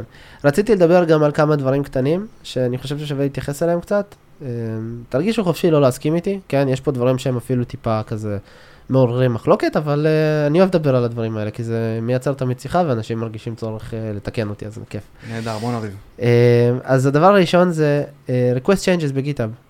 מכירים? גיטאב זו דוגמה, לכל פלטפורמה יש את הדרך שלה לעשות את זה. אני, על פי רוב, בתוך החברה, ב context של אנשים שאני יודע מי עושה את זה, רגע אחד לפני, מה זה request changes? מה קורה, מה קורה כאשר אני לוחץ על הכפתור request changes ב pull request? מה שקורה זה שמי שכתב את הקוד מקבל התראה שעברו לו על הקוד, והוא צריך לבצע שינויים. אחרי שהוא יבצע את השינויים, הוא צריך לבקש, בק- להוציא בקשה נוספת ממי שעשה לו את ה-review, בשביל שיעשה איטרציה נוספת על הקוד שלו, ובעצם אה, הוא לא יכול להכניס את הקוד עד שה-request changes הזה ייעלם, עד שיהיה approve. עד שיהיה approve של אותו מיש, אותו אחד ש, שביקש changes. נכון, עד שיהיה approve של אותו אחד שביקש שינויים. אז אני חושב דבר ראשון שבאת לריב, זה כאילו, זה המהות של, ה, של הקומנט הזה. אבל חוץ מהנושא הספציפי הזה, אני חושב שיש פה הפרדה מאוד מובהקת בין העולם של open source לעולם של עבודה בתוך חברה. נכון מאוד. כי ב open source גם ככה לבן אדם, צד שלישי, אין שום יכולת לעשות מרג' וה... וה-request changes הוא לגמרי לגמרי רק בעולם של נוטיפיקציה אדומה זוהרת כזאת שאומרת לו, אמ, אתה, אתה, אתה צריך לעשות שינויים בקוד שלך. אבל גם כשאנחנו עובדים בתוך חברה ובתוך הארגון, אני חושב שזה מאוד בריא שיש בינינו את היכולת להבין, עברתי על הקוד שלך, ואני חושב שיש פה מקום לעשות שינויים, ואתה צריך לתקן אותם כדי שנוכל להכניס את זה. בסופו של דבר זה אינטרס של כולנו. לעשות בלוק על מרג' אצלנו ספציפית אה, בפייסבוק לכפתור, ומה שהוא מציג אחר כך זה back to author, זאת אומרת מחזיר את זה פשוט ל-Q של האוטור, אבל בסופו של דבר זה ממש, זה ממש בריא במקום הזה של, כן, יש פה שינוי, כולנו מתייחסים אליו וכולנו רוצים שהוא יהיה הכי טוב שאפשר, אז למה, למה לא לבקש uh, uh, uh, request changes? אז עדיין לא אמרתי אל תבקשו, רק דיברנו על באמת מה זה ה-request changes, אבל Mhm. כן. אה, שוב, זה מקום שהוא, זה אזור שהוא מאוד אפור, ואני מזכיר את מה שאמרתי שאני משתף את החוויה האישית שלי ומה אני עושה. וכן, הדבר הזה הוא כרגע לא רלוונטי ל open source, כן? רוב השיחה הזאת הלכה גם וגם. זה ספציפית נושא שהוא ב open source, אני לא עושה את זה אף פעם, כי באמת יש פה הרבה מאוד משקל אה, לקוד שהולך להיכנס והכל, ו- ו- אה, ואני לא יודע מי כותב לי את הקוד, אבל ב context של צוות, שבו אנחנו עובדים ביחד, אני באופן אישי רואה request changes, ב- כמו שאמרת, בסימן אדום, ו- וחייב לעשות את זה והכל, כאיזשהו אקט בצורה פסיבית אפילו, בצורה שהיא אפילו אה, אה, בתת מודע של סוג של anti trust. כלומר, אני כביכול, כן, ברור לי שאולי זה לא נכון, או זה כנראה לא נכון, אבל אם אני עושה למישהו request changes, אני בעצם אומר, אני לא סומך עליך, שאתה לא תכניס את הקוד עד שהשינויים שלי אה, עד שתסיים לעבור על השינויים שלי, ולכן אני אעשה לך request changes, אתה תסיים את כל מה שאתה צריך לעשות, אתה תבקש ממני איטרציה נוספת, ורק אחרי שאני אאשר לך שהקוד הזה מספיק טוב, אתה יכול להכניס את הקוד. זה בעצם מה ש-request changes, אפקטיבלי זה מה שקורה. אני, החוויה שאני מנסה לייצר מה, מהקוד reviews שאני עושה, היא, אני כמעט תמיד, עד כדי, יש מקרים, יש מקרים שבהם אני לא עושה את זה, אבל בתוך הצוותים ובתוך החברה שאני עובד בה, אני כמעט תמיד עושה prove עם comments. כלומר, אני סומך על הבן אדם, ופה אנחנו נכנסים באמת לסוג אחר של קוד reviews, כי אתה גם סומך עליו, ובגלל זה זה לא נמצא בקטגוריה של דברים, אתה יודע, מקודם אלה דברים שהם כזה קצת אקסטרה, אבל אני סומך על הבן אדם מספיק, אה, על המפתחים מספיק, כדי ש... הם לא יכניסו את הקוד מבלי שהם מבינים בדיוק מה כתבתי, למה כתבתי את זה, ואם זה חשוב אז, אז באמת צריך לעשות את השינוי הזה לפני שהוא ייכנס.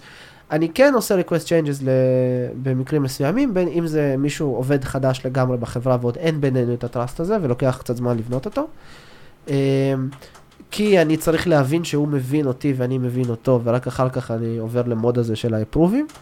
אה, או שאם זה באמת באג סופר קריטי שאנשים בטעות לא ילחצו approve, כי אם ילחצו approve תמחק לנו טבלה ב database או משהו כזה, אז אני גם עושה request changes. אבל במקרים שהם לא מקרי קצה ובשינויים קוד בסיסיים ודברים כאלה, אה, אז הדברים האלה הם מייצרים עוד friction בתוך הצוות, וזו חוויה שאני מרגיש בתור משהו שלילי. אביתר, מה דעתך על זה? אז, אז אני, אני בא ממקום שבו זה מאוד נהוג לעשות back to author, ושוב, אולי העניין של טרמינולוגיה, של request changes לעומת back to author זה אחר לגמרי. זה עדיין עושה את, אותו, את אותה פעולה בסיסית של כן, זה חוסם את המרג' או את השיפ, אבל בהבנה היא, זה אפילו לא אדום, זה סגלגל כזה אצלנו. אמ, באמת, זה, זה התחיל באדום וזה התחיל ב-request changes וזה עבר לסגלגל והפך להיות uh, back to author. אז יכול להיות שזה באמת עניין כזה של uh, תחושה. טרמינולוגיה, טרמינולוגיה. זה, כן. זה באמת, אני, אני, אני חייב להגיד, כשעבדתי uh, בחברה שעבדה עם גיטהאב uh, ועם גיט, uh, וכשקיבלתי uh, request changes, זה תמיד היה כזה, מה זה, מישהו, מישהו חושב שאני לא יודע כלום, וזה כזה היה מעליב ברמה מסוימת. ואני חושב שלאט לאט למדתי גם להעריך את הדבר הזה, זאת אומרת, יש פה מישהו שבא וישב ועבר על השינויים שלי, וגם זה, אתה יודע מה, אני חושב שזה מאוד תלוי בסוג, בסוג הקומנטים שאני מקבל. זאת אומרת, אם מישהו אומר לי דברים שהם סטייל high-level comments כאלה בסטנדרטים, ואז עשה על זה בלוק מרג' ו-request אז אני אגיד כאילו, מה, מה, מה יש לו זה? אבל מנגד, אם הוא נתן לי תגובות רציניות ומהותיות, ושבאמת יש להם תוכן ובשר, בין אם ברמה של אה, פונקציונליות של הקוד שלי, או בין אם זה ברמה של הביצועים של הקוד שלי, או נתן לי איזה דרך שונה לחשוב על איך שהקוד שם עובד, ואז הוא עשה את הדבר הזה, אז אני אקבל את זה בצורה הרבה יותר אה, מבינה מאשר אם זה... מאשר אם זה לא היה, כאילו, אני רוצה לראות שהוא גם שם איזושהי אחריות על הקוד, כאילו הוא אומר, כן, אני קראתי, אני מבין, אני אחראי על מה שקורה שם, ואני אומר, הקוד הזה לא מספיק טוב לעלות, אבל אני לוקח אחריות מאחורי הדבר הזה. אם מישהו רק שם לי קומנט, אז אני אומר, כאילו, הוא, הוא לא רוצה להתחייב לאיזושהי, ל-approve או reject. הוא לא רוצה להתחייב לזה בכלל. ואם מישהו שם לי approve, אבל יש סט של קומנטים, הסיבה היחידה שהייתי מצפה שהוא יעשה את זה, זה רק כי הוא נמצא באזור זמן אחר, הוא עדיין סומך עליי שאני אעשה את הדבר הזה, אבל הוא לא רוצה לחסום אותי, אה, כי אני אראה את השינויים ואתקן אותם בזמן שהוא כבר ישן. מגניב מאוד. מעניין. לא, לא, אז את זה מה שאנחנו לא הכרנו עד היום. אה, בעצם. לא, לא, לא. כן. תשמע, אני גם, אני גם קצת מסכים עם זה, כן? כאילו, זה, זה בסדר לכתוב, uh, אם כבר עושים request changes, אז באמת, כמו שאביתר אמר, עם, עם comments מאוד מפורטים ומאוד מאוד ברורים של למה זה ומה זה ומה צריך לשנות. ובסגול. בסגול זה כנראה באמת יותר טוב, יכול להיות שזה, יכול להיות שזה משפיע, יכול להיות שזה משפיע. מה הדבר הבא? הדבר הבא זה uh, live code reviews או pair code reviews, כל uh, מקום קורא לזה קצת אחרת. אמ, קצת בשתי מילים מה זה הדבר הזה, אני מניח שאתם מכירים, אמ, כשעושים שינויים גדולים בקוד, שינוי ארכיטקטורה או שינויים אה, מאוד אה, מסיביים של הרבה מאוד קבצים, שקשה מאוד לעבור עליהם ב code review מבלי לקבל context, אז עושים פגישה ועושים code review סינכרוני, כלומר מי שכתב את הקוד עומד מול כולם ומסביר מה הוא עשה ומה השיקולים שהוא לקח ולמה הוא לקח אותם. שזה פריבילגיה של, אה, של מקום שעובד בסינ... באופן סינכרוני, או של מקום שיש לו code base מאוד מאוד אה, נכון, לא. יחסית לא, קטן. לא, אמרתי את זה, זה לא ל open source, כן. לא, אה... אבל זה גם לא, ל... זה גם לא לחברה כמו מטא, אתה מבין? כאילו... דווקא אני חייב לא, להגיד. דווקא כן.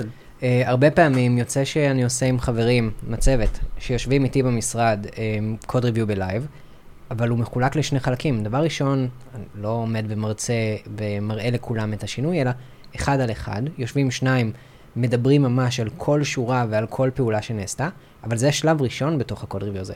זה שלב שרק אני רוצה להבין את מהות השינוי, כי השינוי מספיק גדול ומספיק מהותי, כדי שיהיה לי קשה להבין את כל ה context שלו בבת אחת. אבל אחרי שישבתי עם הבן אדם במשך חצי שעה והבנתי את כל ה context של ה pull request, אז אני עובר עכשיו למחשב שלי, יושב וקורא את הקוד לבד, בנוחות, עם כוס קפה, ובא ונותן תגובות מהותיות, אחרי שיש לי כבר את כל ה context ואני מבין את כל מה שקורה שם. זאת אומרת, זה לא רק live code review שאני נותן את ה commentים באותה הנקודה. אנחנו יושבים, מדברים, ואז אחר כך אני עם עצמי על ה code review הזה. יפה. אז, מעניין. אז מה שרציתי להגיד על הדבר הזה, זה קודם כל, שבאופן כללי זה ממש דבר שהוא חיובי, נכון, אביתר? כלומר, יש לזה באמת value מאוד גדול בקטע של מסדר אותך, הוא מוריד לך אה, סימני שאלה כשאתה נכנס לקוד הזה, ונותן לך אפשרות להתמקד בעיקר. לגמרי. אה, אז ככלל זה משהו שהוא חיובי, אבל גם פה ראיתי, נתקלתי קצת בדברים שהם יותר טיפה שליליים, ב context של live code reviews, של מה שיכול לקרות. מה שלי יש בראש זה תהליכים שאצלי היו בחברות קודמות שעבדתי בהם, שבן אדם עומד מול קבוצה של שלושה אנשים, ארבעה אנשים, לא משנה כמה, ומסביר להם אה, מה השינויים שהוא עושה ועונה על שאלות ודברים כאלה. code review הצגה. בדיוק. אה, זה לא מחליף code review הסינכרוני רגיל, אבל זה כן מקדים לו, כמו שאביתר אמר. והדבר השלילי שיכול לקרות מהדבר הזה, זה ה... אה, קצת כל מה שאמרנו קודם, רק בעל פה. כלומר, אה, גם, גם כאן יכולים לבוא ולהגיד לבן אדם, אה, רגע, למה בחרת במימוש כזה? אתה יכול לעשות מימוש אחר. למה בחרת בספרייה הזאתי? הספרייה הזאת יותר טובה, או דברים כאלה. ומה שזה יכול לגרום, זה להחזיר את אותו בן אדם שכתב את הקוד, לעשות עוד המון המון שינויים ולהשקיע עוד ימים עבודה על הקוד, על הקוד הזה,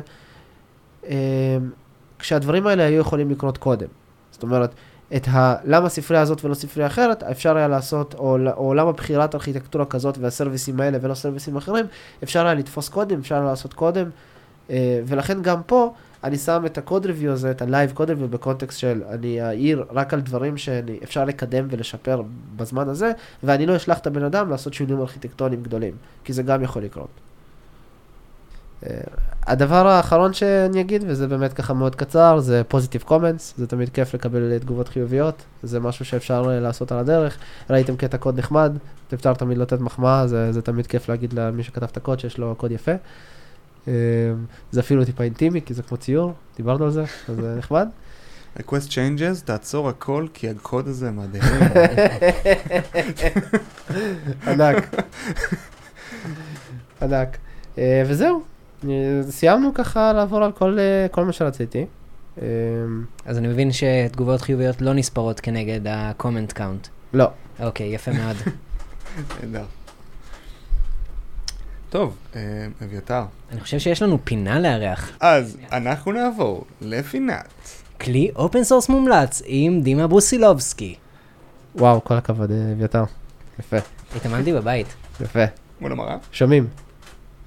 סבבה, אז uh, אני, אתה יודע, האורחים שלנו, כל פעם שאנחנו עושים את זה, אז הם אף אחד לא בא עם אחד. אתה מבין? נכון. נכון? אז אמרתי, מה, אני אכתוב אחד? זה יהיה מעפן, כולם באים עם יותר, למרות שאנחנו מבקשים רק אחד. אז באתי עם שניים, אני- אני- אני לא אמרתי שחייב אחד. אני אמרתי, מתישהו, אני לא זוכר. באתי עם שניים. אחד זה פרויקט מאוד חמוד שנתקלתי בו במקרה כשחיפשתי דוגמה, ל... רציתי לעשות תרגיל אה, רעיון, וחיפשתי משהו חמוד שאפשר לעשות שיהיה כיף גם, ומצאתי משחק ממש מגניב, מכירים את ה-2048? מהמם. אתם יודעים שיש כזה בטרמינל שאפשר לשחק? שיש פרויקט בנוד שכתוב, ש... שיש לו, הוא פרויקט סופר קטן, נתקלתי בו במקרה, ככה מחיפוש ספציפי מאוד בגוגל. יש לו אה, 18 starים, ממש קטן, אבל מה זה חמוד. אה, הדבר הזה פשוט עובד בצורה מקסימה, אפשר לשחק את זה בטרמינל, את המשחק הזה, וזה, וזה עובד מדהים. אה, כתוב ב-Node.js. מגניב. אה, זה דבר אחד שרציתי לדבר עליו. דבר שני שרציתי לדבר עליו זה, אה, זה לא פרויקט open source, אלא זה פרוטוקול שהפך ל open source מאוד חזק ויש לו הרבה מאוד מימושים. ורוב המאזינים שלנו, אני מניח שמכירים את הדבר הזה, אבל רציתי בכל זאת להגיד על זה שתי מילים, כי יש לי איזה פינה חמה בלב, אה, מ Datree, מהחברה שאנחנו עובדים בה. אה, זה בעצם JSON Schema, זה איזשהו פרוטוקול של אה, הגדרה של JSON ים, של איכשהו, איך שהם כתובים. אה, בעצם זאת הדרך שלנו להגיד, על כל key value, מה ה-key, מה ה-value, איפה כל דבר כזה צריך אה, להיות, מה הערכים שיכולים להיות בכל, אה, בכל value כזה או בכל key כזה. אה, משתמשים בזה בהמון use cases, בין אם זה בוולידציה של API requests, או Kubernetes עצמה משתמשת בזה בשביל ולידציה של המניפסטים שלה, ובטוח יש בזה גם המון שימושים ב front שאני לא מכיר. אביתר אולי יוכל לספר לנו על זה עוד אם הוא יודע ואני לא. אני מכיר ספרייה אחת בלבד לוולידציות ב front, אני לא יודע על מה אתה מדבר, שום דבר אחר. Vest.js. כן. אה, בקיצור, זה אחלה דבר אם אתם, אם אתם עושים אה, ולידציות לקבצ... לקבצי YAML או JSON, אז יש לזה מימושים בכל שפה אפשרית, ב Python, ב Go, ב Java, ב... אלוהים ישמור ב Java, ב Node, ב Rust, לא יודע במה עוד, בכל שפה כמעט. אה, וזהו, היה פרק מעניין, ואני יכול להגיד לך שלמרות שאני אפילו מכיר את, ה, את רוב הנושאים שאתה דיברת עליהם, אנחנו הצלחנו לריב למרות הכל, ואולי אפילו בזכות הכל. זה כיף. אז uh, תודה רבה לאורח שלנו, דימה. תודה רבה לשניכם, היה לי כיף להתארח פה. גם החלפנו מקומות, אני בדרך כלל לא יושב במקום הזה נכון, של האורחים. נכון, דימה יושב, דימה יושב בכיסא האורחים, ואביתר יושב בכיסא המארחים, כפי שצריך. כן, היה לי ממש כיף, שתדעו. אתם מארחים מאוד יפה. איזה כיף. מאוד נחמד פה. גם לי היה נהדר. אולי אני אבוא לעוד פרק. רגע, אני נחשב גם אורח כמרצה אורח? לא, אתה מארח. אה, רגע. מרצה אורח. אה, רגע, אתה היית לא, רגע, מרצה מנחה. אורח, סליחה, מנחה אורח. אני נחשב אורח כמנחה אורח? אתה, אני לא יודע, לא... כי- כי. אולי גם אני צריך כלי open source מומלץ עכשיו? יש לך כלי open source מומלץ? האמת, יש משהו ש, שחשבתי שרלוונטי לנושא הזה, הוא כאילו לא רלוונטי לאף אחד שלא עובד בפייסבוק, אז לכן אה, לא, לא העליתי את הנושא הזה, אבל האופן שבו אנחנו כותבים pull request ים בפייסבוק הוא אחר לגמרי. כי אנחנו לא עובדים עם GitHub ואנחנו לא עובדים עם Git, אנחנו עובדים עם איזה custom Mercurial ואנחנו עובדים עם Phabricator ולא עם GitHub, אבל האופן שבו אנחנו כותבים pull request ים, זה לא commit ים בתוך branch ים, אלא זה stacked diffs. ואז אנחנו יוצרים stack שאפשר לדמיין אותו כמו branch, אבל כל יחידה בו, כל commit בתוך ה stack הזה, הוא יחידה עצמאית שאפשר עליה לעשות review, זאת אומרת, תחשבו שיש לכם branch ואפשר לעשות review ל commit ים השונים, ואפשר גם לעשות land או merge לכל אחד מה commit ים האלה ב branch באופן עצמאי, ואז אם אני עובד על feature, אז בעצם אני יכול לחלק אותו לחתיכות מאוד מאוד מאוד קטנות. זאת אומרת, יש לי את החתיכה של ההכנה, אפשר לעשות עליה review, ומעליה יש חתיכה אחרת שמשתמשת בהכנה הזאת, ומישהו אחר יכול לעשות review, ואני יכול לעשות land או ship כבר לכל החתיכות שכבר עשו להם merge, ויש כלי יחסית חדש של אנשים שיצאו מפייסבוק, הם קראו לו Graphite, אמ, והוא כרגע בבטא, אבל הוא נותן את אותם היכולות מעל GitHub, שבעצם בונה לך מלא מלא branch ים של commit אחד, והוא מנהל את זה עבורך. אז זה מאוד מאוד מעניין וזה מאוד מגניב, וזאת דרך עבודה אחרת שקיימת בפייסבוק ופחות קיימת בכל העולם, אבל היא מאוד עוזרת לעשות pull request איכותי. זה היה hijack לנושא לגמרי, אבל זה היה מעניין. נכון, לא, זה היה טוב, תן לו... לא, לא, זה היה סופר מעניין. אז לא, אני, אני, אני לא, לא הכנסתי את זה לפרק, רגע, אבל אבל איך- איך- איך איך הוא נקרא שוב הכלי? הכלי, קוראים לו Graphite, Graphite. Graphite.dev. אוקיי, אנחנו נשים אותו, אנחנו נשים אותו בפרק. אז דימה, תודה ש- שהגעת להתארח כאן בתור אורח ולא בתור אה, מארח. תודה שאירחתם אותי. נחמד פה. אביתר, תודה גם לך שבאת אה, לארח אותה, לארח, אה, לארח את דימה. תודה לך, ישי, ותודה לך, דימה, שאירחתם אותי באירוח שלכם. אוי ואבוי, זה נשמע רקורסיבי קצת. כמה תודות, חברים, כמה תודות. אה, ודבר אחרון, נגיד תודה לסמסונג נקסט, אה, זרוע ההשקעות של חברת סמסונג אה, בישראל, שמארחת אותנו כאן בחדר הפודקאסטים שלהם. אם יש לכם רעיון לפרק, לכם או לכן, והייתם רוצים להתארח, אנחנו מזמינים אתכם ואתכן לפנות אלינו במייל opencodepod@gmail.com, opencodepod זה K-O-D-P-O-D. למה לא נתת לי לעשות את זה? אה, לא יודע, לא יודע. אתה אורח. אתה אני לא יודע, אני לא חייב- את המייל אפילו, אתה אני אורח חייב פה. לעשות את ה-KOD POD. opencode- opencodepod זה KOD POD. נהדר. עכשיו זה לא. שווה כבר. כל הכבוד, אמא. זה היה צריך לבוא ממך. אה, אתם מוזמנים ומוזמנות לעשות לייק לדף הפייסבוק שלנו, קוד פתוח הפודקאסט, לשאול שאלות ולהעלות הצעות. תודה רבה לכולם.